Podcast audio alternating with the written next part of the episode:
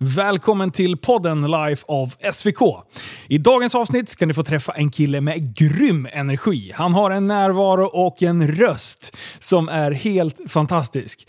Han eh, är en duktig MMA-tränare och eh, tränar bland annat eh, Tobias Harila som var här för ett par avsnitt sedan. Han heter Jörgen Hamberg. Han kommer berätta lite om hur han hamnade inom fightingen. Han har även jobbat som dörrvakt. Vi pratar lite fylla på krogen och sådana här konstiga grejer. Så, sätt er lugnt tillbaka för här kommer Jörgen Hamberg.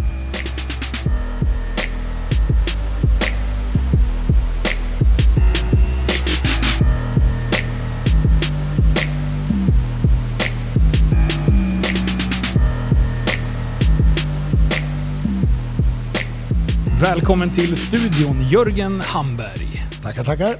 Du, eh, du är ju aktuell med eh, en gala som kommer här framöver, bland annat. Stämmer. Fight Club Rush 8 är det vi kör. Jajamän. Och eh, bara för att anknyta till tidigare avsnitt så var ju, för två avsnitt sedan, var Tobias Harrila här. Stämmer. Och det är en av dina fighters. Helt rätt. Och eh, när jag pratade med honom så, så efter det så började jag fundera på hur, hur viktig tränaren är och eh, jag skulle vilja ha ett tränarperspektiv på, på hur det är att vara MMA-tränare. Liksom. Och eh, sen hade ju du och jag ett litet möte tillsammans med eh, Kejan, a.k.a. Eh, Baklava-generalen och hela Fight Club Rush-gänget. Stämmer. Eh, och eh, planerar den här galan som kommer gå av stapeln den 6 mars. Eh, men, och då bokar ju du och jag in där. Jajamän. Men jag, jag, jag börja, brukar börja med att fråga om vad, hur vi känner varandra. Och det gör vi ju egentligen inte. Egentligen känner vi inte varandra eftersom vi är från Västerås och du vet, gör bänga grejer så känner vi många, många människor tillsammans. Men Ja, vi har inte träffats personligen du och jag. Nej. Nej, jag tror faktiskt inte jag har Nej, gjort det. det jag tror inte heller. Du känns lite bekant när jag träffade dig förra veckan. Men, eh, men inte på den nivån så jag bara, ah, kolla där, där är ju han. nej, nej, nej, nej, nej, för fan det där med trimmade moppar och grejer, det har inte varit min, min pryl. utan Jag har mer slagit folk på käften. Så det är därför jag missar varandra. det är bra. Men du, eh, bara för att, att lära känna dig lite mer från början. Du säger ju som sagt att du har slagit folk på käften. Och då tänker man ju så här, oh shit, den här killen han har ju varit riktigt vild. Det kanske du i och för sig har. Nej, det har, nej men det har, säkert har jag varit lite vild, det kan man nog säga. Jag har väl inte varit den mest väluppfostrade lilla gossen, men, men eh, en del dumma grejer de har gjort. Men eh, annars har jag, om man säger, höll på med kampsport i... Jag tror jag klev in på BK Rapid 1983 eller någonting och sen har jag aldrig kommit Oj. ut. Ja. 1983. Shit alltså. Är den klubben, eh, den är så gammal alltså? ja, ja, absolut. Okej. Då, ja. låg den, då låg den på och på en tvättstuga. Där. Då var det ju George Scott och grabbarna var ju, om man säger, Ja jäklar ja. teammates med, med mig då. Ja just det, han är från eh, BK Rapid. Han är också västeråsare som gick... Han blev, han blev duktig inom eh, boxningen va? Ja, ja, han tog ju silver på OS och lång Han var så proffskarriär. pass. Ja, han har varit jätte, jätte, jättebra. Ja. Eh, men eh, när du började med det, var, var du aktiv själv då från början? Ja, ja, ja, ja, jag började med boxning när jag var 16. Okej. Vad- Hur, eh, hur länge boxades du själv då? Ja, men jag boxades väl ett par år tror jag. Jag, jag, jag boxades ett par år, gick en 6-7 matcher sådär. Gick väl halv okej liksom. Sen kom ju hela, det var ju 80-tal liksom. Man skulle ju snurrsparka folk i huvudet, det kom sådana filmer och grejer. Åh då- nej, och då- Paolo Roberto kom. Ja, hela Skit listan. också. Stockholmsnatt. Så det är klart man skulle lära sig det. Sen började jag på Tainojen i Västerås och sen så har jag hållit på lite olika kung fu-klubbar. Jag har nog hållit på med det mesta. Brottning, eh, tillsammans med vakterna jag jobbar med. Och, du vet, man har hållit på med allt skit. Liksom. Ja. Allt som funkar. Liksom. Men har du varit uppe i, i någon av de här grenarna som du nämner? Har du varit uppe och tävla själv? Jag har tävlat i, i, i- ett flertal av grenarna men jag har aldrig varit någon framgångsrik skulle jag inte säga. Jag har aldrig hållit på tillräckligt länge med någonting sådär. Jag har hoppat från stil till stil och gjort allt möjligt som jag tycker är kul. Liksom, sådär. Är du lite bubblare liksom? Ja, men alltså på den tiden var det lite grann så. Man höll på med, med det var, allting var, var kampsport, men man ville försöka komplettera det man inte kunde. Och sådär. MMA fanns inte på den tiden. Nej. Så att det, det jag gjorde var väl egentligen att ta olika grenar och, och försöka sätta ihop det. Liksom, för, ja, det som funkade, man kände man saknade. Ja. Så fick man ju prova på, på stadens gator och torg med lite café och gatuboxning. Jag jobbade ordningsvakt och sådär. Så fick man ju testa skillsen om de funkar eller inte. Och så hem till ritbordet. Fan, där fick jag, det där var inte bra liksom. Jag måste göra Vilken någonting bättre. däng här. Skit också. Ah, det hände inte så ofta. De, många, många var inte så bra kanske. Men, men eh, däremot så kunde man ju känna att man hade svagheter. Ja.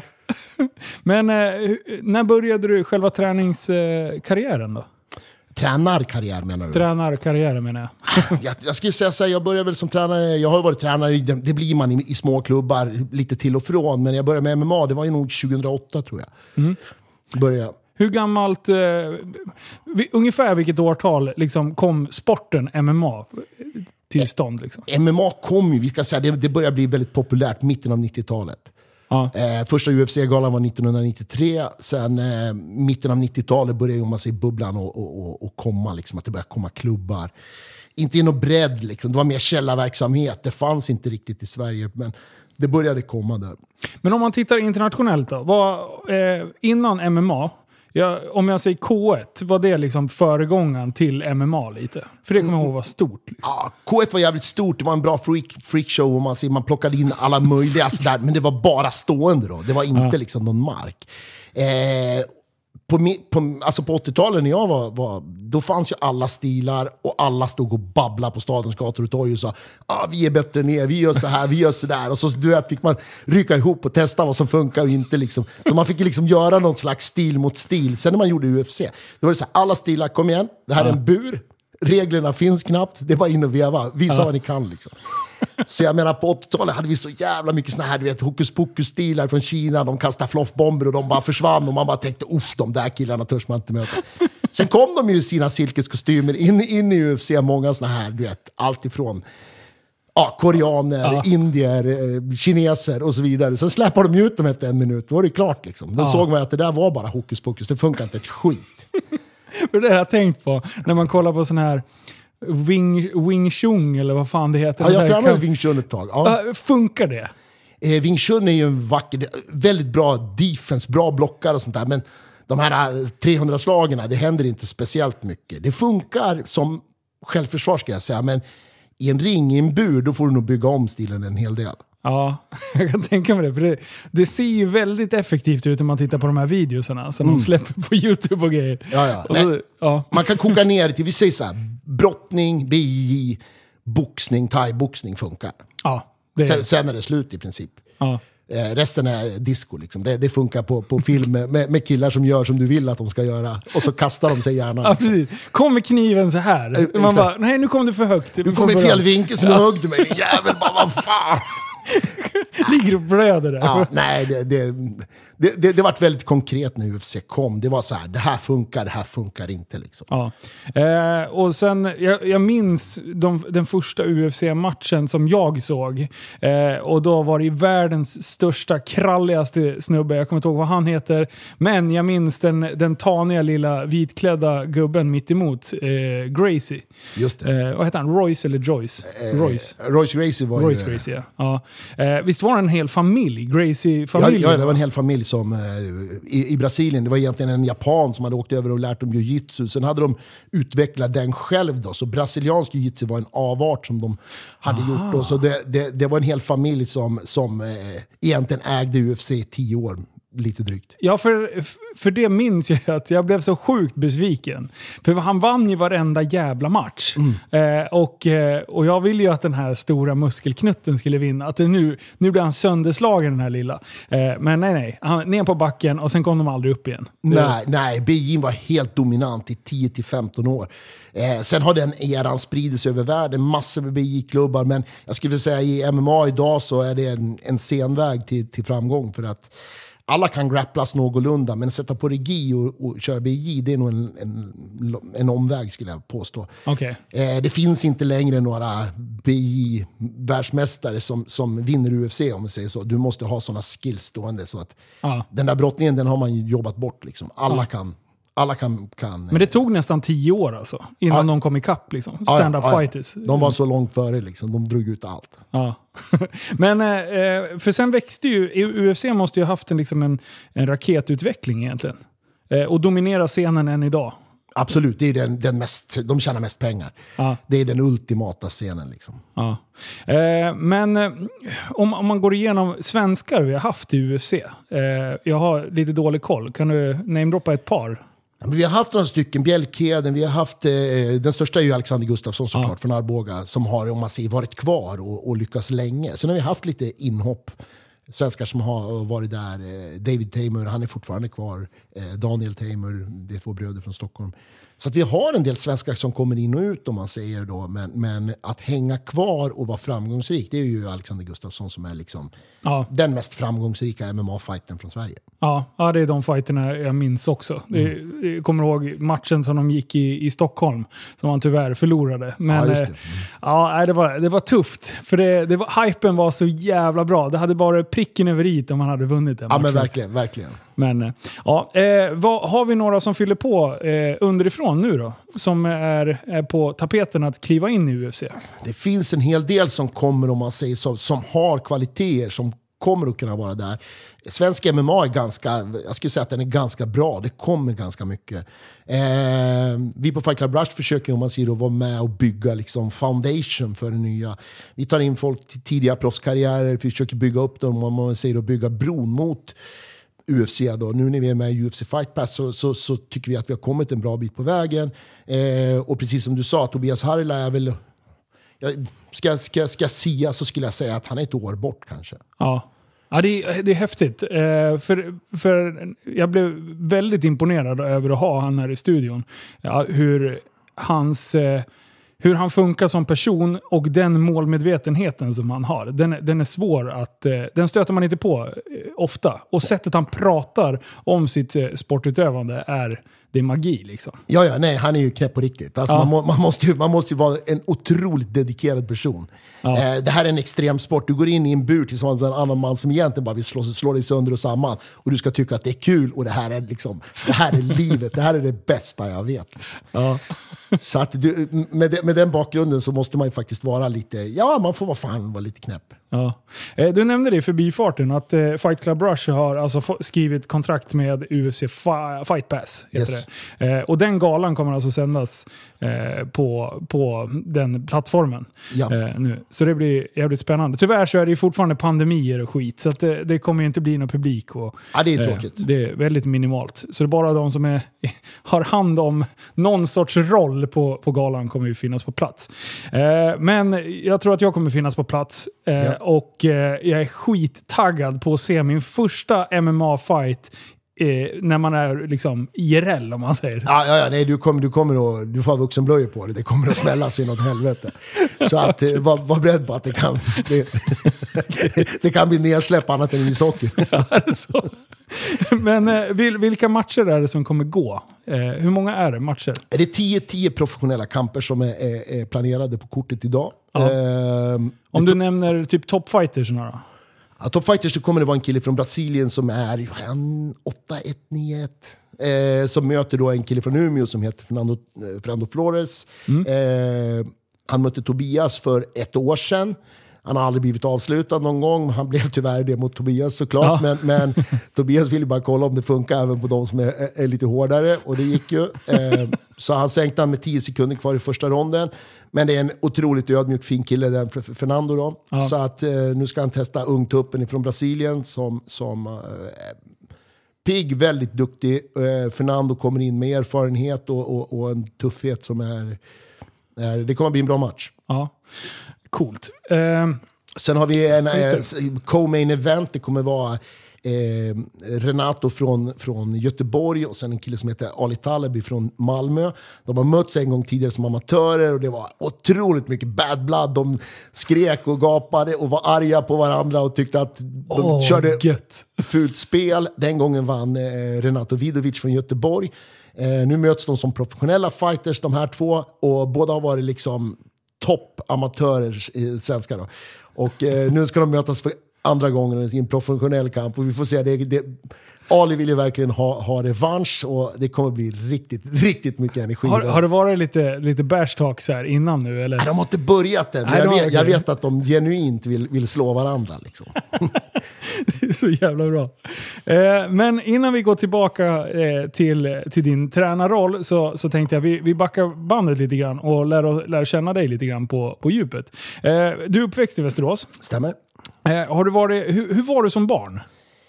Nej, men jag var nog idrottskille. Jag höll på mycket med, med, med olika sporter och sådär. Fastnade väl på... på eh, jag körde cross faktiskt. Åh, Eh, cross, fotboll, allt möjligt sånt där. Men, men fastnade väl på, på kampsport där vid 15-16 när jag började boxas. Ja. Har du alltid liksom eh, haft den, här, den här känslan av att det är kul med, med fighting? Liksom? Ända sedan du var barn? Liksom. Ja, jag har nog varit väldigt, jag har lekt väldigt mycket krig. Det har alltid varit kamp liksom. Jag har alltid tyckt att det där är skitroligt. Ja. Eh, tjurskallig, vill aldrig ge upp liksom. Nästan bäng liksom.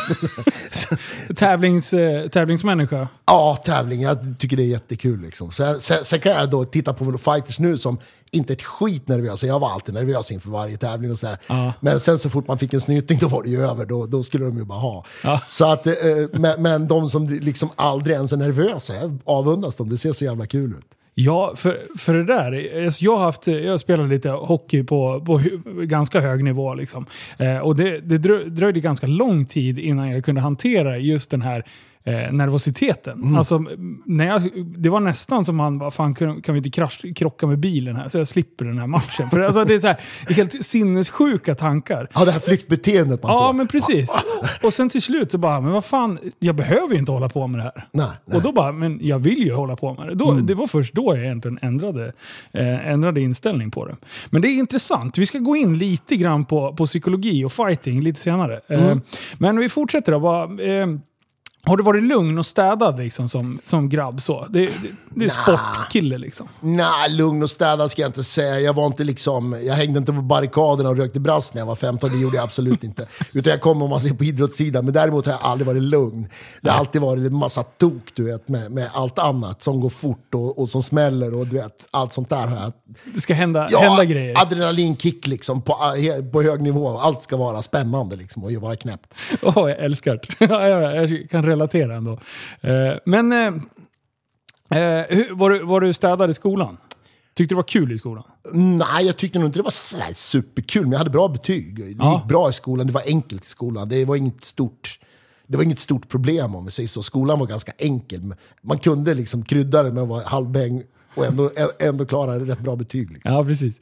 Eh, ja, men det, det, det, alltså skolan är ju fantastisk när man har lätt för sig. För att det är ju det är ju som en enda stor ungdomsgård och sen måste man göra lite nytta ibland. Liksom. Ah, ah, ja. Så, så var min skolgång. Ja. Ja, men visst är det så. Ja.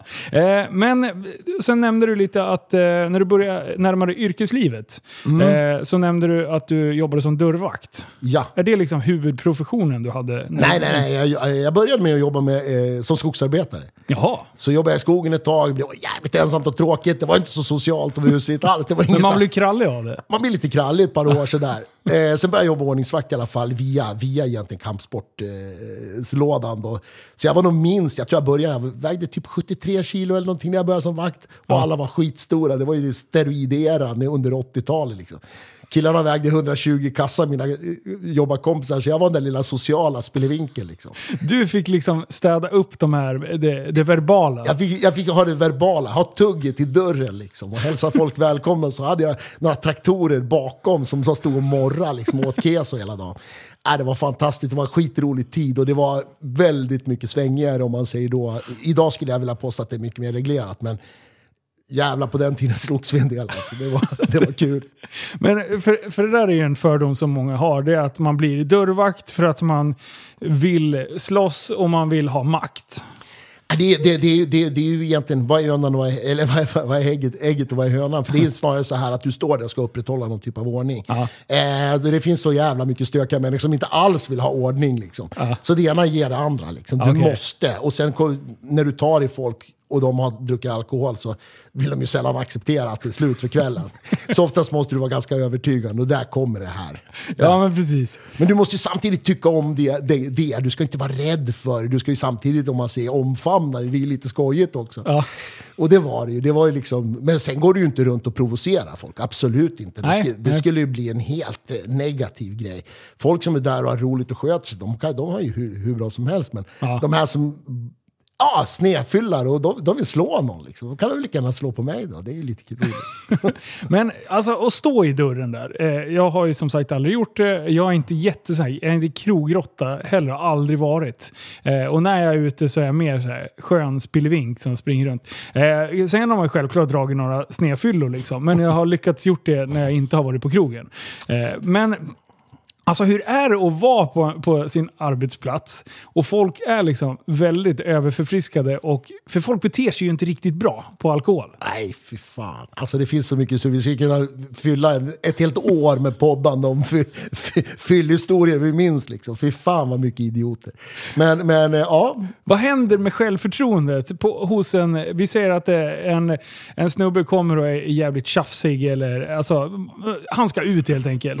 Eh, ha- känner du, eller din bedömning, gör de, har de lite för stort självförtroende mot vad de kan backa upp? det är ju alltid så här, dels är väldigt få är ju tränade så att de har nå- några skills. Liksom. Däremot har de ju, som du säger, innanför västen super upp sig så de är ju för fan UFC-fighters hela högen.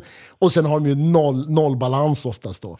Ja, Men sen det. möter man ibland, ibland någon sån där bonde du vet, från Sura, så man känner bara vad fan är det här för något? Han är stark som ett jävla troll du vet. Man har haft folk man har liksom låst upp, du vet, så här, skuldergrepp, de har, har handen uppe vid nacken, sen bara typ triceps pushar de ut den. Bara så här, man bara vänta, det här är inte möjligt. Hur fan går det här till? Liksom? Så det är klart man har träffat, träffat alla sorter, men överlag så är det ju... eh, Det är ganska enkelt. Liksom. Det är ju, de, de är ju de är inte så bra. Om, om känslan är bra. Har du jobbat i en massa olika städer? Jag jobbar i olika städer, eh, Västerås, Eskilstuna, Arboga och lite så här runt omkring. Då. Vi, är, det, är det skillnad på att jobba i, i de respektive olika städerna som du nämnde nu? Ja, Definitivt är det så. Definitivt är det så. Det finns, jag, jag, har upplevt, jag skulle vilja påstå att eh, polismyndigheten man jobbar emot eh, har olika vad ska vi säga, diskurs. Eh, Västeråspolisen var mycket sämre att jobba mot, mot eh, än Eskilstuna-polisen till exempel. De hade liksom en, det var en mycket bättre vi-känsla där än vad det var i Västerås. Eh, jobbar man i Arboga så är det ju långt till polisen så då får man ju räkna med att här är det ingen vi-känsla, det är du. du och dina, kollegor. Men, men Arboga var ju fantastiskt. Det var ju liksom att vrida tillbaks. Det var inte så här mycket anmälningar utan det var, man- de fick några dagar senare, de kom igen lördagen efter och tänkte så här, den här gången ska den där jävla vakten få en snyting. Och så gjorde de ett, ett, ett försök igen. Liksom. Så det var liksom lite ärligare, det var lite roligare på det sättet. Och, och, nej, vi, hade, vi hade kul. Det var, det var riktigt så här folkpark, folkparksröj. Liksom. Men det, det låter ju när du berättar som att det är ändå liksom... Eh, man kan tänka att det liksom ligger det här hatet ligger och gror efteråt. Men det verkar vara lite att det exploderar upp och sen lägger det sig och sen är man lite sams liksom, till nästa vecka. Eller? Ja, du, alltså, så, så, så, som, som, som, när du har en sån roll som en ordningsvakt, du gör ju ingenting för att vara elak. Liksom. Du, gör, du, har ett, du har ett regelverk egentligen som, som du får följa. Sen, sen är det ju så att, att det blir ju det är klart det gör ont på den som gör, är, är dum. Liksom. Och är han jävligt dum så gör det lite mer ont. Ja. Det, det finns någon slags eh, exponentiell faktor i det där. Men, men samtidigt så är det oftast när de är nyktra får de ändå den här minnesbilden att åh fy fan vad bäng jag var. Jag var nog värd det där. Liksom. Ja. Så att i eftertankens kranka blekhet kan de nog hålla med om att de var inte lämpliga att vara kvar på haket. Liksom. Ja. Men eh, hur, hur eh, jobbar du som ordningsvakt fortfarande? Nej, nej, nej, det är länge sedan. Det är länge alltså. sedan. Det, här är, Ja. det här var, vi pratar 90-tal. Liksom. Ja, Okej, okej, bra. Eh, om man tittar på, har, har du några kontakter kvar från, från den branschen än idag? Jo, jo, ja, man känner lite folk som jobbar kvar. Eh, samtidigt så skulle jag vilja säga så här, om du, du ska jobba 5-10 år med det. Ja. Sen, sen ska du nog lägga ner, liksom, för du får arbetsskador och du blir... Eh, det finns en gräns för hur många fyllskallar man kan möta i sitt liv. skulle jag vilja påstå. Sen blir du väldigt bitter och arg och less. Liksom. Ja. Eller, eller helt resignerar och blir helt död. Så att, var pigg i 5-10 år, sen lägger du av. Liksom. För annars, det, det är ett bra tips. ja, annars kan du bli en riktigt bitter gubbjävel. Liksom. Ja, men eh, för, för jag tänker ju att det, samhället har ju förändrats en hel del. Eh, det, var ju en, det låter inte på dig som att eh, du var rädd att de skulle dyka upp eh, två timmar senare och köra eh, skottlossning liksom. Det, Västerås var inte där då. Vi pratar slutet 80-tal, vi pratar halva 90-talet. Eh, Västerås var inte där. Det är klart det hände att det, det fanns vapen, men, men inte den där, vad ska vi säga, det klimatet jobbar vi inte i. Liksom. Tror du att det är större skillnad idag? Det tror jag. Det här klimatet fanns i Stockholm då. Okej. Eh, Ja. men, men det fanns inte i Västerås. Det Så vi kan säga skillnad. att det är stockholmarnas fel? det är alltid stockholmarnas fel. Allt jävelskap som händer, det är stockholmarnas fel. ja, det, så kan vi summera det. Ja. Eh, men... eh, Ja, nej men det, det, Mötte du någon på, när du jobbade som du kände så här, fan du borde börja träna kampsport? Många. Du kan alltså möta många. Man ser, man ser vilken profil människor har och sådär. Så att det finns många som, som eh, skulle behövt kampsport. Ja. Och det var ju oftast i det, det, de stökiga grabbarna hade ju verkligen behövt det. För att de var ute och cyklade rejält ofta och, och hade behövt någon, någon typ av pir och, och, och liksom landa i. Ja, för det, det för mig utsökt in till nästa ämne. För att eh, vi har ju tänkt lite, jag pratade med Tobias om, om samma grej, att eh, just kampsporten kan fylla en väldigt stor roll för hela, eh, och göra en jättestor samhällsinsats egentligen. Och fånga upp de här människorna som har hamnat lite på, på sned och kanske inte känner att de har något direkt värde i samhället. Utan man har alltid ansetts vara eh, stökiga och lite outsiders på det sättet. Och sen har man kanske ett ganska brett, eh, eller stort våldskapital. Eh, och där känner man att det är min arena och, och så spinner man vidare på det och så fastnar man lite i det. Och det jag tänkte, om man kan liksom... Eh, ni som klubb då, fångar ni upp mycket eh, ungdomar som är lite på glid? Eh, vi fångar upp en hel del sånt, eh, men inte i den utsträckning vi skulle kunna göra. Skulle vi jobba mycket mer mot samhället, om man säger mot, mot socialförvaltningar, mot kommuner, mot ungdomsgårdar och sånt, skulle vi nog kunna få en större eh, grupp eh, oftast tyvärr är det ju grabbar om man säger, som har det här våldskapitalet som är väldigt utåtriktade. Och många har ju, om man säger klassificerat som so psykosociala handikapp som är jävligt poppis nu. Men, men alltså det är stökiga grabbar, misslyckade i skolan och, och, och har otroligt mycket energi. Uh, Möter du lite motstånd mot, eh, eh, mot kommuner och, och sånt där? Nej, men alltså, Gentemot sporten om man säger. Ja, många som jobbar tror ju, de tror ju att vi ska lära de här ungarna att slåss och det kommer att bli katastrof. Och det är inte det det handlar om, det är snarare tvärtom. Att, eh, titta istället på individen. Hur kan du attrahera den här individen till någonting uh. som inte handlar om kriminalitet och våld? Eh, då är vi en sån sport som liksom kan appellera till dem att oj, det där den där sporten skulle jag kunna testa, liksom, för den är ändå tillräckligt ball. I, mitt, i min subkultur funkar den. Liksom. Mm. Eh, och sen när de kommer till oss, då får de ju liksom, det, då får de lära sig ganska fort att shit, jag är inte tuffast på gatan alls. eh, och, och du vet, kommer man bara in och börjar liksom bli biten av sporten och se jag vill bli bättre, jag vill utvecklas, jag vill komma någonstans. Då kommer man ganska snabbt komma till kopplingen att knarkar jag lever jävel på helgen så kommer jag ha en skitdålig måndagssparring till exempel. Ja. Så det är så här, jag, jag, jag, tar det lugnt på helgen, jag sover, jag äter, jag sköter mig så kommer måndagssparringen bli jävligt bra. Och min utveckling blir bra. Det blir någon slags hand i hand det där. Eh, jag vill bli en bra MMA-utövare och då kommer man komma in i samhället. Man kommer att bli en, en, en individ som, som faller in i samhällsstrukturen.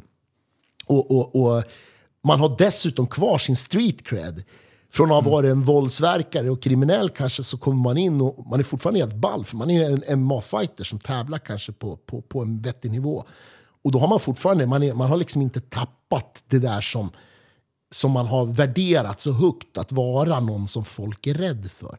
Och Det handlar inte om att vara rädd för någon, utan det är snarare så att den typen av, av, subkulturer kan fortfarande se en MMA-fighter som en, okay, det, är, det, är, det är en individ vi kan se upp till och respektera utan att han liksom lever rövare och, och lever utanför samhället. Så att eh, det finns en, en, en, en, en snygg ingång på det här. Mm.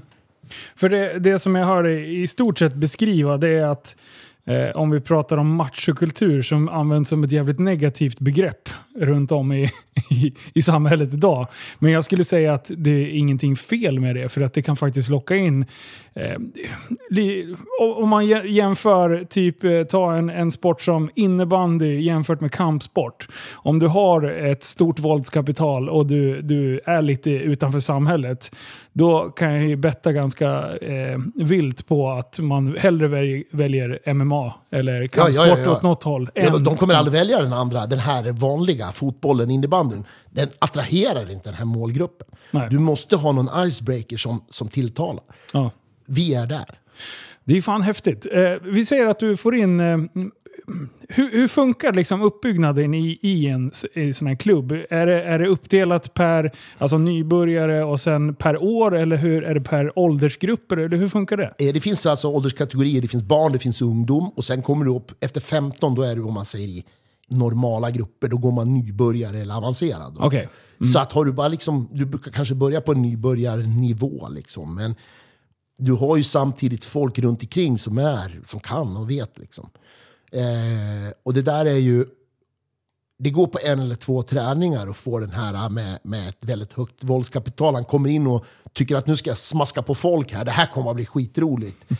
Eh, då väljer man ju bara någon utövare som är lite bättre och så säger man sen Tobias kom nu, nu får du, nu får du testa, testa här. Lilla Kalle ska du köra med. Liksom. Ja. Och lilla Kalle kommer ju ganska fort komma på att vad fan jag än gör så han, han är tio gånger bättre än mig. Ja. Allt gör Och när jag väl får in ett slag så ser han ut att njuta av det. Får jag, in, får jag in ett slag så får jag tio tillbaks liksom, och det gör skitont. Så att ganska snabbt så lär de sig att behärska sig, lär sig att tappar jag, tappar jag allt då, då får jag jättemycket stryk. Och man lär sig att, oh vänta, det här, det här är liksom lite ett schacklir. Liksom. Jag måste vara väldigt sofistikerad för att kunna få in någonting egentligen. Och, och, och någonstans där så får man samtidigt en respekt för den andra individen man kör emot med att jag är ett barn här. Det här är ju en, det här är en kille som precis vet vad han håller på med. Och, och, och den respekten är något, jag vill bli som honom. Jag vet, om vi tittar på Tobias till exempel, han kom in eh, Johan Lurken Andersson var ju den som hade kört längst och Tobias kommer in, han körde med nybörjarna.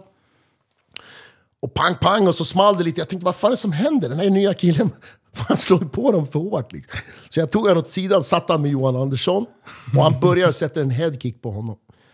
Och, och Johan bara okej, ja, men då, då, då har du satt nivån. Liksom. Sen fick han så jävla mycket stryk Tobias. Eh, och, och, och efter den omgången då säger han bara så här. Då sitter han där, han bara fy fan vad kul det här var. Han bara du, säger han till Johan, om sex månader kommer jag slå dig. Sex månader så ska du fan få stryk. Eh, och sen bara hakade han på de bästa, körde med och mot de bästa. Eh, han spöade inte Johan på ett år, det, det kan jag inte säga. Men, men, men däremot så om man ser just den inställningen att, att, att jag, jag, jag, du är bättre än mig nu, men vänta, Ja. jag kommer. Johan är hård. Johan var stenhård. Liksom. Ja, jag känner honom lite grann Ja. också. Nej, så han var ju liksom den som tuktade de här gossarna då. Och nu är liksom Johan en, en, en veteran i, i gänget. Liksom. Ja. Vad roligt. Så nu är Tobias den du använder som... De, de, han tog taktpinnen och sprang kan man säga. Tobias är väl den ultimata liksom, eh, uppfostraren idag om det är någon som är utanför ramarna och inte riktigt vill, vill eh, vara kamratlig på träningarna om vi säger så. Då. Ja. Men eh, eh, era eh, Fight Club, nej, jo precis, Fight Fight Club. Club, eh, heter, heter eh, själva vad säger man, föreningen eller Ja, föreningen. klubben. Ja. Hur, vi säger att ni får in någon sån här eh, en person som, som har liksom kanske ett ego som är större än vad, vad det borde vara och har ganska pissig attityd.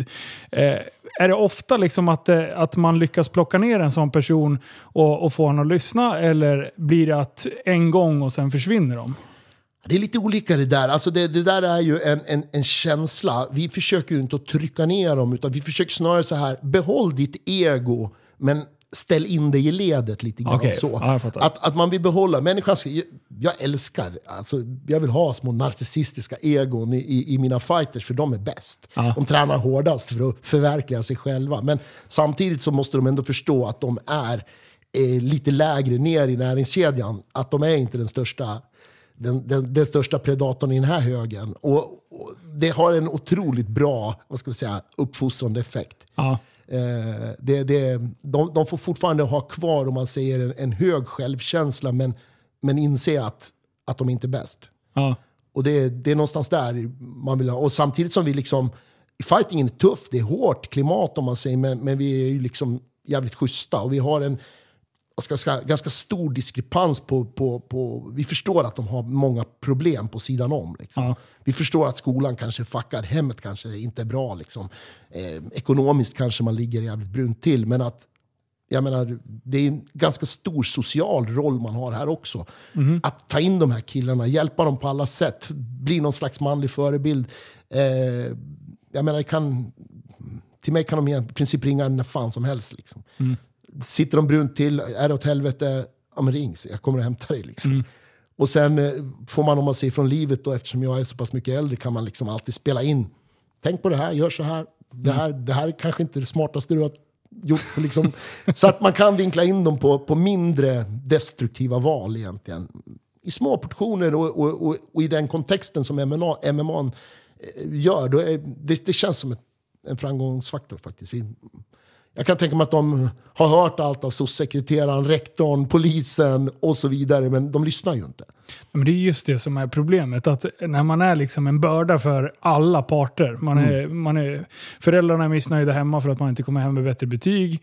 Eh, alltså, sen ska man då upprätthålla någon sorts yttre fasad om att allting är bra. Jag, jag fattar att folk liksom ger sig in i kriminalitet eller att man liksom ja, via, via skrämsel i stort sett mm. eh, får, får lite street cred eller vad man ska säga. Ja, ja, ja. Eh, så att, eh, ja, men det, jag tycker ni gör en fantastisk insats för, för det. Och jag, jag blir lite knäckt när jag, när jag lyssnar runt med, när vi har pratat, bland annat när jag haft två, tre fighters i, i, i podden, att Nej, sånt där skit. Man ska, det är bara massa våld. Och, och, och då försöker jag få dem att förstå att du kan väl se den andra sidan också. Mm. Alltså, jag är inte lagd så att jag, jag, fan, jag har slagit en gång tror jag utanför hockeyplan och då slog jag min kusin i magen när han kastade bort eh, pingisbollen. Liksom. Det är typ det enda som... Ja, jag, jag har aldrig rört en annan människa på det sättet. Samtidigt kan jag ju lockas av att folk som vill fightas mot varandra mm. gör det på ett ärligt och schysst sätt. Eh, det är till och med så att jag till och med sitter och glor på de här när de, när de, de här, eh, vad heter de, typ ligorna, eller vad man ska säga, när det är så här värsta gängfighterna. Ja, just det. Alltså jag kan ju tycka sånt, jag, jag, tycker inte att det är bra för man belastar samhället i folk, form av sjukvård och skit. Ja, ja absolut, ja. det kanske inte är optimalt. Men jag kan ändå tycka så här, ja men vill alla fightas? Mm fightas då. Alltså, ja, ja. jag, jag, har ingenting emot det. Men, eh, och sen när man lägger på det här extra lagret som du berättar nu, att man ändå kan fånga upp och få folk eh, som inte lyssnar på någon, mm. att faktiskt lyssna på någon. Ja, ja, som, ja som är, liksom. ja, det, det, är en grym insats ni gör. Eh, eh, om vi går tillbaka till eh, träningen då, eh, eller din, din tränarkarriär. Vilka är det som du har och tränar idag? Oj, vi har en hel hög om man säger... Vi, om man säger som tävlar då, om man säger så? Om vi säger så här, 2014 då fanns inte Västerås på, på MMA-kartan egentligen. Okay. Vi började tävla. Johan var den som tog SM först. Johan Andersson, Lurken. Ah. Han vann SM i amatör-MMA och kom in i landslaget 2015. Ah. Så han var, om man säger den första eh, som, som satte Västerås på kartan. Ja. Eh, sen har det följt, då har det varit Tobias Harila som vunnit SM, eh, Robin Rosa har vunnit SM, eh, Andreas Gustafsson Berg har vunnit SM. Och vi har, vi har om man säger, varit Sveriges bästa klubb eh, 16, 17, 18. Fan vad coolt! Ja, vi varit. 19 kom vi bara tvåa tror jag. Uh, så, men, men, men, om man säger vi har, har från noll till, till resultatmässigt, tävlingsmässigt var det en elefant. Men inte stor klubb i, i antal egentligen. Så vi har en hel del jävligt lovande amatörer. Eh, men om man ser på professionella scenen så har vi då Andreas Gustafsson Berg och, och Tobias Harila som är, är Västerås Fight-klubbare. Eh, när, eh, när är det fight? Harila var 20 mars i England. Mm. Om, eh, om allting går som det ska med galor och allt. Jajamän. Eh, och när eh, Andreas Gustafsson Berg då? Han, kör ju, han har kört för KSW jag vet inte när han... Vi har inget datum. Ingen bok, vi har inget bokat på honom. Eh, Tobias kliver in i Cage Warriors första gången i eh, mars. Jag tror att han kommer att chocka dem där. Eh, vi vet motståndare än, vi får inte släppa den. Men det är en av deras toppnamn ändå. Jag tror han är 8-2. Eh, en väldigt duktig kille som är där i, i topp tre i, mm. i, deras liga. Och Tobias har sagt att han överlever inte första ronden. Uh, jag ska släcka den jäveln innan första ronden är slut. De ska fan få se de här engelsmännen. Det, det är det han har lovat mig. Uh, alltså det är okej okay för mig. Alltså han är så jävla skön. Jag har sagt du behöver inte dra ut på det. Det, det finns ingen anledning. Men uh, hur, hur tränar ni då inför, vi säger att du lägger upp en Okej, okay, vi säger så här då. Just den fysiska träningen, ja. alltså att bli starkare, snabbare och sådär. Eh, hur, mycket, hur stor roll har du med där kontra typ taktik och sånt? Jag har inte så stor roll. Eftersom jag, om man säger det, hobbytränare, ja. eh, så är det ju så här, jag, jag, lever inte på det här. Jag har ett civilt jobb liksom. Men, men eh, så det här är min hobby. Jag tränar tre pass i, tre pass i veckan. Mm. Eh, jag håller lite plattor och sådär till dem i, i, ibland också. Men, men eh, fysen får de liksom lägga upp själv när de har kommit till den här nivån. Ja vi har haft en fyscoach, eh, Sport Performance Center, vi har haft eh, Patrik Rapp inblandad. Gjort eh, scheman åt dem och periodiseringar och så vidare. Han är jätteduktig. Eh, men sen lär de sig själva liksom att, att vad som krävs av dem. Så de blir sina egna fys... De får lära sig sin egen kropp och vad som krävs. Liksom. Ja. Det, det, det ingår i den där professionella rollen. Jag är med och, och man ser håller ihop MMA-delen. Sen förordar jag att de ska du vet, ner till Alex på Rapid, köra lite boxning. De ska åka runt till BI-klubbarna vi har. De ska åka ner till brottningsklubben. Alltså, det här är ju en sport som, som du måste ha hela kostcirkeln. Så att, Ja. eh, det jag inte kan, det är liksom har vi samarbetspartners runt om i Sverige som hjälper till med. Fan, nu betade du av hela nästa fråga. Det var skitbra, för det var precis det jag tänkte grotta ner i. Hur man tränar de olika momenten. För det är Mm. ju liksom, MMA är ju eh, väldigt spretigt om man tänker. För du, du har ju st- stand-up fightingen, är boxning, Ja. och sen så blandar du in benen också. Då är det lite på kickboxning. Och, Thai- och thai och kick, ja. och, eh, och sen, sen lägger man på ett lager till.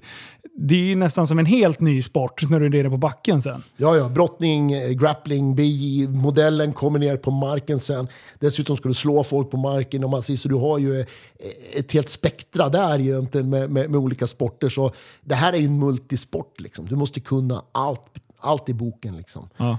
Och sen är det ju sådär, beroende på motståndet då, så ska man ju då titta vad motståndaren har för skills. Vad är han bra på? Vad är han mindre bra på? Och ta han gärna ut på det, det han är mindre bra. Liksom. Är du den som liksom sitter och scoutar motståndet och sånt? Ja, jag scoutar motståndet. Jag lägger upp oftast en, en, en gameplan, eller vad vi ska köra, vad vi ska tänka på. Liksom. Men var, Tobias han var ju lite så här, han bara, äh, man ska bara ner i backen ändå. ja, och det, är jag, det är jag som säger det till honom. Om säger, jag är inte den här killen som kollar för mycket på gameplans. Nej. Eh, vi ska veta var killarna kommer ifrån. Och lägger du en hel uppsats de ska tänka på, då Ja, bara är- låser det sig, då blockar det. Så att egentligen bara, du lägger stora block. Det här ska vi göra. Vi ska Ja. ta ut honom på det här. Och det är där, det är där han ska dö. Liksom. Så det, är så, det är så det funkar. Och, och, och liksom, eh, är det en brottare du möter så vi kommer försöka undvika brottas. Vi ska, vi ska liksom, om man säger, feinta få han och, och, och, och jaga det. Sen ska du smacka han så mycket det går. Liksom. Knän, uppercuts på brottarna från käkarna när de kommer dykandes. Ja. Och så vidare. Så, så man lägger upp en ganska grov plan så. Men sen är det bara in och köra. För att när killarna kommer dit ändå, de ska vara på den nivån, de ska ha de skillsen att de kan hantera det som kommer. Liksom. Ja. ja, jag fattar. Eh, men, Men, men, men, den största grejen jag skulle vilja säga det är egentligen mindset jag vill ha hos en fight. ja, precis. Ja, jag vill alltså ha en speciell typ. Liksom. Som coach kan du inte passa för alla. Liksom. Nej. Och jag skulle vilja påstå så att den, den mest tekniska, han passar nog inte kanske hos mig. Liksom. Utan jag är mer hårdhänt, aggressiv, eh, dynamisk. Det ska vara liksom rock'n'roll. Vi kliver in där för att jag, jag, jag- gillar inte de här som går in och kör så här taktikspel för att vinna på poäng. Alltså, det finns inte i min värld. Eh, vi byggde den här MMA, och när jag började med MMA så, så, så tänkte jag igenom vad vill jag se? Liksom? Vad, vad tycker jag är kul? Jo, jag vill se spektakulära, bänga grejer, divor som går in och törs göra, ta ut svängarna. Liksom. Och gärna knockouter. Ja. Och utifrån det har vi byggt ett game. Liksom. Ja. Och det har funkat bra. Vi har inte kört, som Tobbe, han har inte kört en timme i, i en BJG. Liksom. Inte en timme. Folk sa till mig när jag började, det är helt omöjligt. Han kommer att bli utdragen av alla. Ja, som, som när han började på, på, på lägsta nivån. Klass B, ja då blev han utdragen. Ja. När det var klass A, han fick börja slå dem på marken, ja då började de somna. Ja. Så jag menar, han har ju typ eh, 36 eller någonting i, i record på- som amatör. Ja. Och han hade, han hade 2-5 i, i klass B. Han förlorade fem och vann två. Han sa till mig, fan jag vinner ju inte. Jag bara, Nej, men det är bara för att de vill bara brottas. Ja. Vänta tills du får slå dem i huvudet. Då kommer du börja, vi tränar inte för det de håller på med. Du kommer att bli bra, jag lovar dig. Mycket riktigt. Han kom dit. Och, och, och nu, är det ju, nu är det ju tråkigt åt andra hållet när grabbarna kommer in och, med sina pyjamasbrallor och tror att de ska brottas. Det gör väldigt ont mot Tobias idag om man, om man har pyjamasbrallor på sig. Är det så? Ja, det är, han är fruktansvärt hårdhänt. Så att, eh, ja, nej, jag har sett eh, fler än en pyjamasbralla somna. Liksom. Så att, eh, nej, det gäller, plus att de som gör galer, de vill ju se sånt här. Ja, precis. Och jag gör precis samma när det gäller- Fight Club Rush. Jag vill inte ha de här som ligger och kramas, spelar taktik och ligger och tar det lugnt. Vem det än är som ska få köra hos oss, Kom in och ge allt. Liksom. Lämna precis allt i buren. Gör allt för att avsluta den andra och det kommer bli en bra, det blir en bra sändning, det blir en bra show. Och det är precis det vi vill ha. De här taktikspelarna får vara hur bra de vill. De kan ha 10-0, men är det pyjamasbrottning och de vill inte avsluta utan kontrollera, hålla i, kanske ibland lyckas med submission. Tyvärr, du får inte köra hos mig. Fight Club Rush är inte till för det. Den är inte till för dig. Det ska vara show. Publiken i Västerås, de vill se mer rock'n'roll än så. Liksom. Så är det. Någonting jag alltid har funderat på, det är i... eh, Du, man går en match och sen blir det eh, rondpausen. Liksom. Ja. Vad, hur kan det låta i själva pausen när, eh, när du går fram och, och ger dina direktiv? Liksom? Alltså egentligen, det, är en minut man har på sig. Eh, första 15 brukar handla om att ta vatten, andas, få in lite syre i skallen så du hör vad jag säger. Liksom. För i början är det ju oftast lite sådär brusigt och stökigt. De Ja. kommer in, sätt dig ner, ta vattnet. Och sen, sen ska man resetta, pratar vi, pratar vi lite taktik. Då brukar man berätta hur det går. Ja. Okej ronden, han vann den, du vann den. Här står vi liksom. Ja. Eh, det här har du gjort bra, det här har han gjort bra. Det här måste vi undvika, det gör vi genom att göra så här. Ja. Eh, det svåra kanske kommer när, när vi ser att du ligger under. Ja. Du måste vända liksom. Eh, och då brukar det vara så här, du kan inte prata om helheten. Att Åh, fan gör vi så här då förlorar vi. Ja, Utan då, då, då blir det mer så här, nu måste vi hitta på en uppgift. Okej, din, du måste utmana, du måste döda hans, hans vänsterben. Och, så, och sen jobbar du mycket mer med högern. Liksom. Ja. Så de har en uppgift, de går ut. Okej, jag ska jobba, jag ska döda hans, hans vänsterben och jag ska jobba mycket mer med högern. Ja. Så går vi ut, börjar de på, på det sättet och, är aktiva, då vet de att de har en uppgift och så vänder vi matchen på det sättet. Ja. Sen kan det vara en utmaning, en del lyssnar mindre bra och en del lyssnar bättre. Liksom. En del är väldigt eh, liksom, uppmärksamma och lyssnar. Men det ska För vara... de är ju trötta efter fem, fem minuters ronder. Där. Ja, ja. alltså det är, man vet ju, jag var inne och, och sparrades lite med Elin Cederos i typ två minuter tror jag. Mm. Och det, jag slog ju inte ens hårt. Eh, jag bad ju om ursäkt varje gång jag råkade nudda henne. Ja, Eh, ja. Men jag var ju helt jävla slut av att någon försökte slå mig. Jag, det, det, det var någonting som jag bara så här. Det här hade jag inte räknat Alltså Jag ser ju att de försöker slå varandra. Ja. Men när du väl befinner dig där med de där jävla handskarna på. uff. Och sen nu när jag fick testa eh, riktiga MMA-handskar. Bara, men vad fan, det här är ju ingenting. Alltså få en smäll utav de där. Det var Apro, smäll. apropå det, vi måste göra en, en, en våffla och du kommer upp till oss. Vi måste göra en video där, du måste komma till, till, till, till Västerås Fight Club. Jag ska bjuda dig på Tobias där. Du kan få känna bara lite grann, bara som ett litet smakprov. Som en liten, liten pralin ska du få smaka. Du, du skulle kunna göra som hype inför den här galan. Ja, alltså snälla kom dit så ska du bara få, få känna några minuter. Jag sjukskriver mig innan. Nej, han är snäll med det. Men du- du kommer, du kommer känna att stressen som du säkert kände på boxningen, den är, den är nog högre i, i MMA. För det, det finns Ja. ingen ordning. Det smäller överallt, man flyger i backen. Ja, någon, precis. någon ligger på en och ser jävligt ilsken ut. Ja, det är skitbra. För, för det var ju ändå så här, eh, som jag kom på med Elin sen, då kunde jag bara krypa ihop och sen gick jag bara emot henne. Då, då, då var det, domaren bryt! Nej, ja, men sen, sen är Elin en fantastiskt snäll människa. Hon är inte, hon är inte liksom eh, den aggressiva elaka. Hon är en fantastisk boxare, men hon är ju en, det är en genuint snäll människa. Liksom. Ja. Eh, Menar du att Tobias inte är det? Är det dit du är på väg? Va? Va? Han heter, han heter Bad Intention av en anledning. Och, och, och det var faktiskt jag som hittade på det namnet. För jag satt och tittade på, på, på boxning och jag tittade på vad gör, vad utskiljer en människa som knockar folk Ja. och den som inte knockar folk. Det finns alltså fantastiska boxare som är tekniska, men de knockar väldigt sällan folk. De vinner på poäng stort, men det är sällan de slår knockouter. Ja. Eh, Medan Tobias, det räcker med en halvträff. Liksom. Ja. Så, så, så sover du, det är över. Liksom. Och, och då var det en, en, en gammal boxningstränare som då sa han det, du kan alltså träna tekniken i oändlighet. Men alltså, you had to add some bad intention to it. Så, så han menar på att, att, att när du har den där blicken och verkligen vill slå sönder den andra. Han sa det är det som är ingrediensen som gör att folk somnar. Så jag sa Tobias, ditt nickname, det finns inget annat.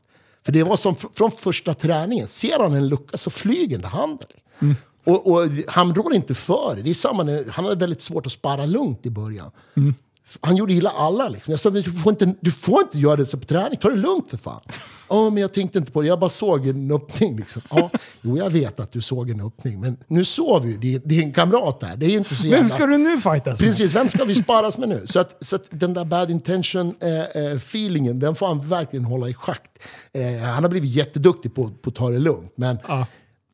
börjar du att svinga och, och slå hårt liksom, så du får, får han engagerad, äh, då är det, då, det är livsfarligt. Jag har sett det hända så många gånger. Jag ser han blir lite röd i ansiktet och ser lite sned ut. Då är det bara att bryta, annars är det sovkalas. Då är det, då är det Törnrosa där inne, det, det är så. Vad kul. Alltså, det, det, det slår mig varje gång det sitter någon som håller på med fighting här. Det är ju helt absurt. För gemene man så låter ni sinnessjuka.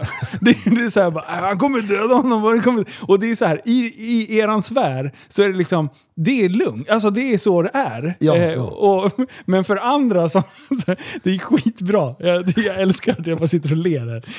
Eh, Men du, Du var inne lite på strategi eh, och grejer sådär. Eh, Men eh, hur mycket psykologi är det? För jag tänker så här, om man tänk, jag kan ju lite annan sport. Eh, där kan det vara, ta hockey för, för att, eftersom jag det kan väldigt mycket. Leder du med 3-1, känns skitbra. Blir det 3-2, då börjar hela laget darra. Då är det nästan alltid att det blir 3-3 snarare än att det blir 4-2.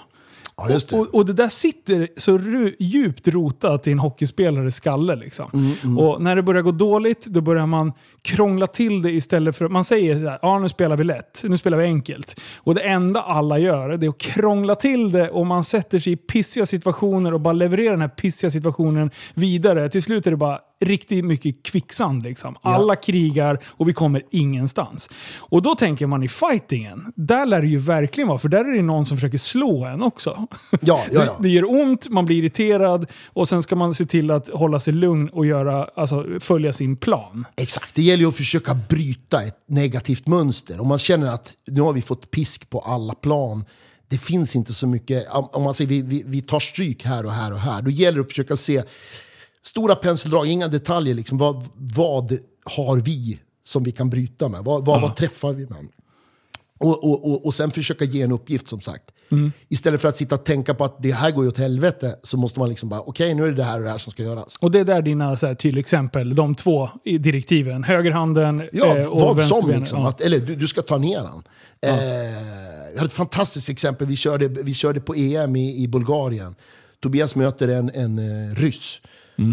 Och, alltså, han, hade, han, han hade 18-0 i matcher innan. Och jag tänkte så här, fan vadå 18-0? Vi fick översätta hans namn från kyrilliska till något annat. Och så att det var nästan bara han var bara stand-up. Liksom. Han- Jag såg inte en brottningsgrej han gjorde.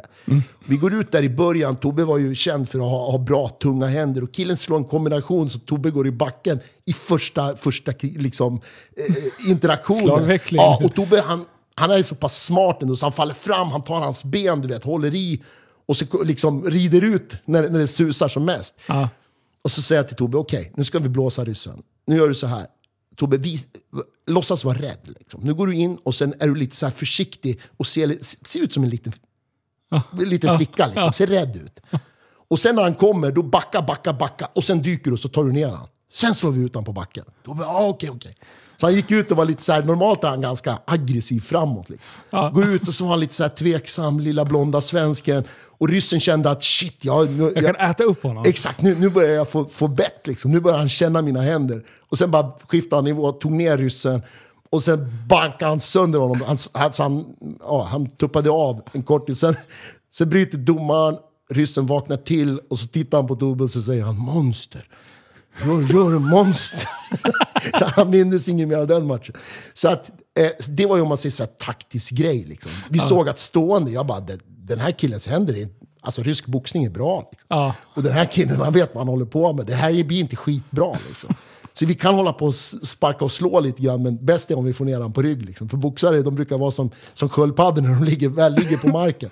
Och det var samma här. Liksom. Där fanns det liksom inga skills. Nej. Utan då fick han käka handske. Liksom. Fy fan vad coolt. Men du, om det optimala... Eh, nu kommer det att bli jättesvårt för dig att förklara, men eh, jag är lite nyfiken på det ändå. Eh, ett optimalt, du kommer ner på backen. Mm. Vad är det liksom optimala eh, övertaget man har när man är nere på marken? Alltså vart befinner du dig på den andra människan? Eh, jag skulle säga så här, du har toppkontroll, alltså du ligger på topp. Ja. Du har tagit ner den andra och du är uppe på. Eh, det är ju om man säger det optimala. I MMA så är det sån dominant position. Du är sekunder från att slå ut honom, om säger du kan ju slå. Eh, om vi vänder på det däremot, om vi blir nedtagna och kommer under. Hade du varit BI-spelare då hade du börjat trixa och titta på lås och sånt där. Men Ja. man lär sig ganska fort i MMA att två snytingar senare så har jag glömt precis allt. Ja. Och sover. Så att mitt råd till alla som är på botten, ut, öppna garden, försök sticka därifrån. Ja. Du ska vara väldigt bra på att ta dig upp på backen igen. Men vi säger så här då, att... Vad fan ska jag beskriva det här? And, om du sitter på en annan människa, alltså dina ben över hans ben. Ja. Eh, är, det, är det det du menar med övertag? Eller är det Överlag, emellan hans ben? över, överlag om du är, om man säger på topp som man säger, Ja. men man kallar benen för gard.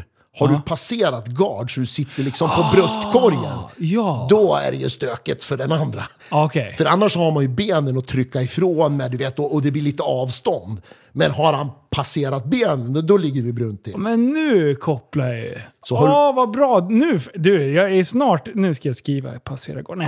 Eh, du, det där har jag all, Jag hör ju att de säger att de passerar garden, men, Ja. men ibland så har de liksom passerat med ett ben, men de är Ja, fortfarande det. lite... Då är det eh, halvgard. Ja, åh, gud vad bra. Full kommer jag- mount, full mount det är när man har passerat garden, passerat benen och sitter någonstans på magen. Ja. Eh, nyper ihop benen som när man kör cross ungefär. Ja. Och så bara bankar man så mycket man orkar. Ja. För då är det stökigt från botten att komma därifrån. Liksom. Ja, precis. Det är då de brukar liksom lyfta upp så man Ja, liksom... man, man försöker brygga, man försöker jucka dem åt sidan. Och, du vet. Eller antingen så snurrar man då helt och man Ja, får huvudet neråt och så åker man på en rear naked. Eller kommer upp. Liksom. Men det är bättre det än att han slår dig ra- rakt upp och ner i facet. Den brukar inte vara så Nej. framgångsrik. Och sen, eh, eh, vi går in lite på regler. För, Mm. för det, här, det här är ju skitbra. Eh, den här, det här hade jag inte förstått. Åh vad jag vill kolla på MMA nu. Eh, jag vill kolla på UFC Fighter och förstå vad vi pratar om. Eh, när du ligger på rygg, då får du sparka uppåt. Eh, precis, alltså, när du ligger på rygg så får du göra upkicks från det vi kallar för klass A. Det är alltså amatör-MMA. Mm. Eh, det finns en första klass B och det är ju, en- då, då är det så här, när du kommer ner på marken då får du inte slå och sparka någonting. Då är det bara då är det bara grepp, brottning. liksom. Då är det bara brottning. Så det är första nivån. Den passar grapplers väldigt bra. Liksom. Ja. Vinna SM där, då är man en BI-spelare. Det är skitenkelt. Man, man bara drar ner folk och så ligger man och trixar på, på backen som man alltid gör. Men sen när man kommer Men får, in... man, får, man får slå ut varandra ståendes liksom, Stående, eh, Ja. Exakt, stående är vanlig boxning, Okej, eller kickboxning. ja, jag fattar. Eh, klass A, då kommer du ner på marken, då får du slå. Du Mm. får knä i kroppen, men du får absolut inte knä mot huvud eller sparka mot huvud om man säger i liggande position. Nej. Eh, men däremot om man säger alla lås är tillåtna, men du får även slå på folk. Då. Mm. Och då är det som du säger, du får alltså öppna garden, benen, och så får du trycka bort dem eller sparka. Du får även göra såna här så kallade upkicks, du får sparka mot facet. Liksom. Så kommer vi in på professionell MMA, då blir det ju så att, att då får du använda knän mot huvud. Det, det får du inte göra i amatör, då får du bara knä kropp. Okej. Men då får du börja knä mot huvud i svensk professionell MMA. Stav- Pratar vi ståendes eller även liggandes? Eh, Ståendes. Ståendes, bara. Mm. Du får inte knä Du får liggandes? aldrig knä liggandes i Okej, huvudet. nej, Men kropp får du knä. Okej, ja. Så ligger man och brottas får man liksom Ja, vräka. det ser inte skönt ut när de ligger ihopkurade liksom, med ansiktet neråt. Och du, du får även, du får även liksom Ah. skjuta ifrån, så du reser dig upp så får du sparka dem i kroppen, så kallade soccer kicks. Men du får inte göra det i huvudet. Du får, du får sparka i kroppen, men det är ju fantastiskt. Usch. Och, och höra det här ljudet live. Mm. Eh, Jag, är, jag är skittaggad för 6 mars. Alltså. Vi trissade ju Robin Roos väldigt ofta på, på att göra eh, soccer kicks. Han varit väldigt bra på det. Ja. Eftersom han är, om man ser en, en, en slag och sparkkille, så han ville alltid skjuta ifrån och så sparkar de i kroppen. Det var liksom, Ja. ja, det var hans paradgrej. Fy fan. Eh, men om man går... Det, det är väl de huvudsakliga reglerna. Sen är det här vanliga, man får inte peta i ögonen, inte, bollarna låter man vara. En stor grej som, som sen, svensk professionell MMA, då får vi inte använda armbågar. Och det är de första matcherna du går, då får man inte använda armbågar. Ah, det. Men sen när du kommer in i Unified Rules, som det är i UFC och alla stora galor, då får du använda armbågarna i liggande kampen. Ja. Och det är ju en game changer, för då behöver du inte upp så mycket för att slå. Liksom. Utan du kan ligga och, och, Ja. och, och få rätt bra kraft liksom. Trycka ner huvudet och sen... Att trycka ner huvudet och Ja. ligga, ligga och dunka armbågarna. Det är stumt alltså. Det är Ja. skitjobbigt. Armbågarna är jobbiga känner jag. Fan. Det är ju de som... eh, Gör inte de riktiga nasty cuts liksom? Jo, det, om, om, om du liksom ligger och ger trynstötar, då blir det inte så. Men om du liksom skär med dem, om du liksom försöker att, att Ja. tekniskt passera, då, då skär du upp väldigt lätt. Men det, det där har jag också klurat lite på. Eh, när du, ibland så kan det vara någon så halvträff som du ändå får ganska djupa cuts utav. Eh, är det liksom att... att eh, för det är där man har när man smörjer in, liksom, att det ska glida lite bättre. För, för man vet ju själv när man hoppade på de här jävla gymnastikmattorna och det, det brände till. Eh, och, och det är därför man har, för att man inte ska få cuts då, eller hur? Exakt, man sätter ju på kindben, på ögonbryn, man sätter lite sådär. För att handsken ska glida Ja, av. för att enkelt. handsken, det ska inte bli en, en, en vad ska man säga, torr, stum träff. Liksom, Okej. Utan den ska vara stolpe ut i princip. Liksom, då, sådär. Ja. Eh, men, men sen är det även en åldersfaktor på det. Det är 20 till 30, då har du om man säger mer elastiskt skinn. Ja. Eh, mindre sannolikt att du spri, eh, spricker. Liksom. Ja. Sen när du ser de här 40-45-åringarna, de spricker som det bara pissar och rinner om dem hela tiden. För då är huvudet blir mycket Ja, tunnare. den är inte lika och, elastisk. och, och, nej, precis. Så de spricker lättare. Du, och sen... Eh, eh, får, vad hette han då? Cowboy? Kan han heta det? Ja, ja, Eh, Cerrone. Han fick ju någon riktig jävla kyss och han hade svällt upp vid ögat. Ja. Och sen gjorde han en rejäl tabbe där han skulle fräsa ur näsan. Och fick ett så här riktigt bubbelöga. och sen bröt ju domaren. Ja, ja. Va, är det där en vanlig grej? För jag, jag fattade aldrig vad som hände. Jag spolade tillbaka flera gånger. Jag bara, men vad, vad är det som händer? Och sen, Ja. sen ser jag vad han pysslar med. Ja, Tobias gjorde det där på, på EM i Bulgarien också. På, I finalen så fick han en smäll så att okbenet vart en spricka i. Ja. Och så säger han till han bara “Jörgen, du, är det, här, är det här bra?” säger han. Så håller han för näsan, vi står på flygplatsen. Och så gör han precis samma, blåser upp du vet, så det blir sån jävla bubbla vid ögat så den inte syns. Jag bara “Sluta för fan!” och, och, och, och normalt så finns det inte den, den kopplingen om man säger mellan näsan och, och liksom, det är ju när okbenet spricker som du kan blåsa luft via bihålan och, och ut i liksom, i, ut, i, ut i ansiktet liksom. Så det där är ju, det är ju nasty när det där händer. Ah, för det, hans las ju aldrig, utan den var ju liksom, den blåste ju det, tar flera, det tar flera timmar innan den går tillbaka. Så, så Tobias såg ju helt ramsned ut i facen när vi flög sen. Så att, alltså det där är inte riktigt... Nej. Och, och han tyckte det var värsta partytrixet så han gick och blåste i näsan stup i kvart. Alltså sluta nu. kommer explodera. Ja, men alltså, du kan ju få tryckförändringar när du flyger. Ja. Så, Ja, så just det. Därför var det inte så där skitsmart att ha värsta bubblan. Alltså, jag orkar inte. men det var kul. Ja. Eh, men, och, och sen, vi, vi pratade lite i början. Eh, jag vill också prata lite utav hur eh, UFC, eller MMA utvecklades. Eh, bland annat då via UFC. Från början, vi pratade lite innan, då sa du att det var lite andra regler. Eh, bland annat att eh, man fick vara ganska våldsam med, med bollarna. Ja, alltså i början på UFC, de första 1, 2, 3, om man, om man, om man googlar dem, de finns ju där. Du fick alltså dra i håret, du fick slå varandra i pungen, man fick skallas. Man fick göra precis vad som helst. Det var hals och, det var hals och bitas tror jag, som man, och, och ögon som man inte fick göra. I övrigt så var det helt laglöst. Sen Alltså. börjar ju resan att göra det här till en idrott. Liksom. Och då börjar man ju, om man säger, och skala av vad som var liksom, eh, idrottsligt, vad som är schysst. Och sen har man ju då fram till idag gjort det till en idrott. Och precis som vi pratade om Gracie, i början var ju så att de hade inget försvar gentemot den här markkampen. Idag har alla lärt sig den. Eh, sen kom det in en, ska jag vilja säga, runt 2000-talet. Då var det mer en strikingkultur. Eh, som var, striking-eran började ta över. Och idag så kom sen med, med Khabib, den här östgänget, så är det väldigt bra brottare som har, har konverterat till att, att, att även vara effektiva om man säger och slår. Så att idag är det väl mer eller mindre en brottningsdiskurs. Alla måste kunna brottas. Liksom. Ja. Annars är du stående fighter idag, du blir nedtagen som på Gracie-eran, men det sitter en, en, en ry- ryss uppe på dig och bankar, bankar dig sönder och samman. Så att du måste kunna ta dig upp ifrån, ifrån botten. Liksom. Är eh, Khabib, är han, är han liksom outstanding nu? Eh, fin- Finns det någon som rubbar honom? Eh, Jag, har- jag har inte tänkt med riktigt, men jag bara ser att han vinner varenda jävla match. Och det verkar vara ganska enkelt. Ja, han har ju varit mer eller mindre outstanding. Han är väl den, vad ska man säga, öst han är från Dagestan då. Ja. Han är väl den dagestanier som har lärt sig att slå. Det finns en otrolig brottarkultur, jättemycket bra fighters därifrån. Men det är ju så att de flesta kan inte slå. De Okej. bara brottas och kontrollerar. Ja. Och det är som jag var inne att, att Fight Club Rush, jag vill inte ha dem. Jag vill inte ha någon som ligger och brottas och håller i folk. Antingen avslutar du matchen eller annars får du inte köra något mer.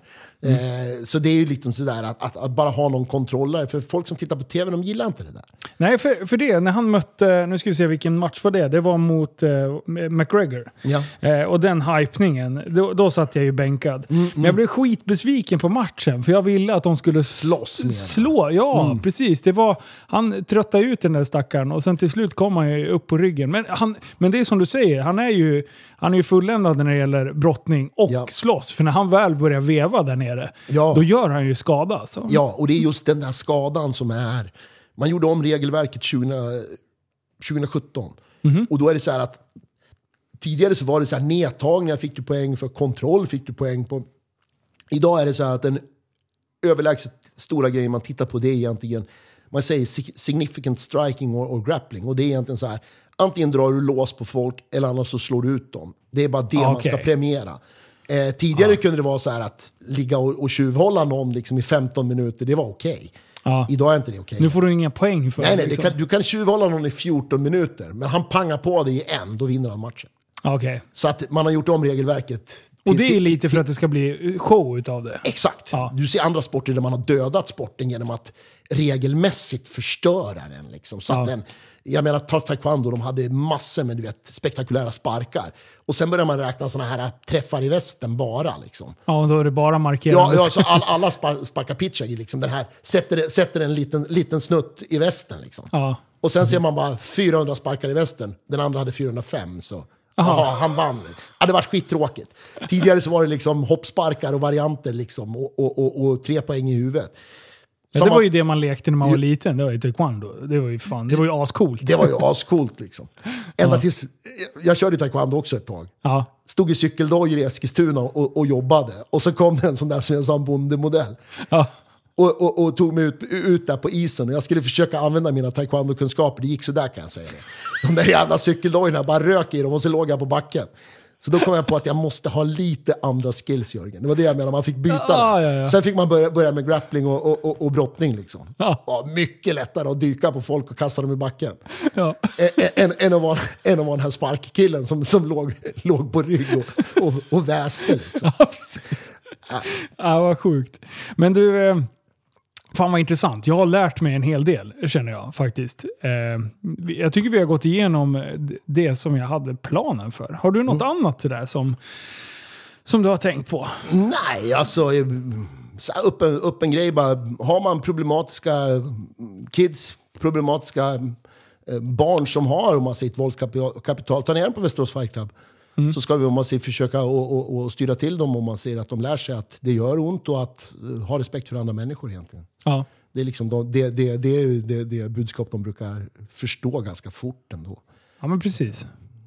Nej, skitcoolt. Jag, som sagt, återigen, jag tjatar lite, men jag tycker ni gör en, en grym insats eh, för, för samhället. Eh, och jag tycker man bör tänka om när man bara tänker att Åh, våld löser inga problem. Jo, det kan faktiskt göra det. Det är Eh, absolut. I, i, I en värld där våld, våld redan finns Mm. eh, så är det bättre att ha ansvarsfullt eh, våldsutövande Ja, under säkra sker, former. Ja, liksom. att det sker mot folk som konsent har klivit in i en bur och sagt ja, jag vill köra med dig. Jag, jag, jag tar emot din, di- dina kvaliteter här med fri vilja. Liksom. Precis. Och, och, och man kommer inte vara det. Jag tittar på mina killar, det är ingen som är ute på gator och vevar. Och, och, och. Nej, för där är ju risken, eller där, där är rädslan skulle jag säga. Men jag tror att det som händer i de här eh, killarna och tjejerna, när man känner att man man blir indirekt ett vapen. Då börjar man ju få respekt. Alltså då går man inte ut och missbrukar. För jag menar, eh, missbrukar de, de kunskaperna utanför, för det, då, är man ju, alltså, då gör man ju skada på riktigt. Speciellt för någon som inte är, är kunnig inom det. Liksom. Ja, det blir så stora problem också. Det är, de, de inser att, att det här tar bort tid från min träning, det tar, tar bort tid från min karriär som jag satsar på. Ja. Eh, plus att de är inte värda det. Liksom. Det finns inget värde i att gå ut mot människor som är långt under rent tekniskt och, och, och liksom det är som att stjäla godis från ungarna. Liksom. Ja. Det, är, det är inte schysst. Liksom. Det, är inte, det är inte fair någonstans och det ger ingen respekt. Liksom. Jaha, du varit ute och spöat svennar? Liksom. Det, du får ingen respekt på det. Du får en lavett så får du dra ut från klubben. Liksom. Ja. Så att, nej, det håller inte. Och sen så, såklart vill jag ju säga att Fight Club Rush, 6 Ja. mars. Yes. Alltså jag är så sjukt taggad. på UFC Fight Pass och sen att vi får SVK som är där. Jajamän. Som hedersgäst, podda på lite grann. Får se det här Jajamän. på närpla- när, och du får, liksom känna ska lukten, sitta- smaken, ljudet. Jag ska sitta och försöka slicka i mig allt blod framme.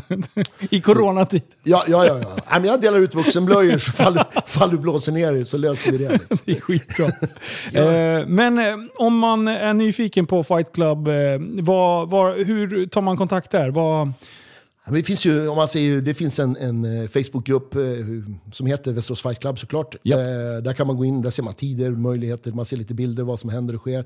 Eh, vi ligger på Malmbergsgatan 55. Mm. Det är bara att droppa ner, det behövs inga förkunskaper, inga speciella grejer, det finns att låna. Bara komma ner och testa om man vill. Ja. eh, jag kommer nästa vecka så kan vi Ja, styra upp. Kan hypa Harila lite? Jag säger, det kommer en riktig jävla fighter här. Ja, ja, ja. Han har slagit sin kusin i magen när han kastar pingisbollen. Precis, och nu har han tagit med sig en hockeyklubba och ska dela ut. ja, nu jävlar. Jag tror han kommer att acceptera den. Ja, nej, vi ska inte, gör inte honom irriterad. Nej, nej, nej, nej, nej. Det, finns, det finns där under. Han ska vara på sitt snällaste humör. Ja, skitbra. Men du, eh, då taggar vi 6 mars. Och Jajamän. eh, lite fighting. Coolt. Tack snälla för att du kom hit. Tack själv. Ha det gött! Detsamma, hej! Stort tack för att ni har lyssnat på dagens avsnitt. Och jag sa ju det, han var ju tvärskön. Alltså, jag tror aldrig jag har suttit och eh, lett så brett någonsin. Jag har nästan käkproblematik efter det här avsnittet. Jag tyckte det var skitkul att lyssna på honom. Eh, informativt och skitbra. Yes, med det sagt så vill jag bara skicka ut en liten blänkare om att gå in och följ mig på Instagram. Där heter jag Life of SVK. Eh, och vill ni vara med och bidra lite till poddens fortsatta utveckling så kan man göra det via Swish på 0734 33 29 95. 0734 33 29 95. Och eh, skickar ni in lite grann så skriv något roligt meddelande. Jag tycker det är skitkul att sitta och läsa dem där. Många av er gör det redan idag, men Ah, jag älskar att sitta och läsa dem där. Grymt! Vi har lite action eh, framöver. Så att, eh, bland annat ska jag åka ner och podda nere i Göteborg här. Eh, och eh, jag har även flera gäster inbokade här på hemmaplan. Så! Alltså jag är så sjukt taggad. Tack snälla för att ni har lyssnat. Och eh, tack för all support så här långt. Så tar vi podden till nya nivåer. Ha det bäst! Tjena!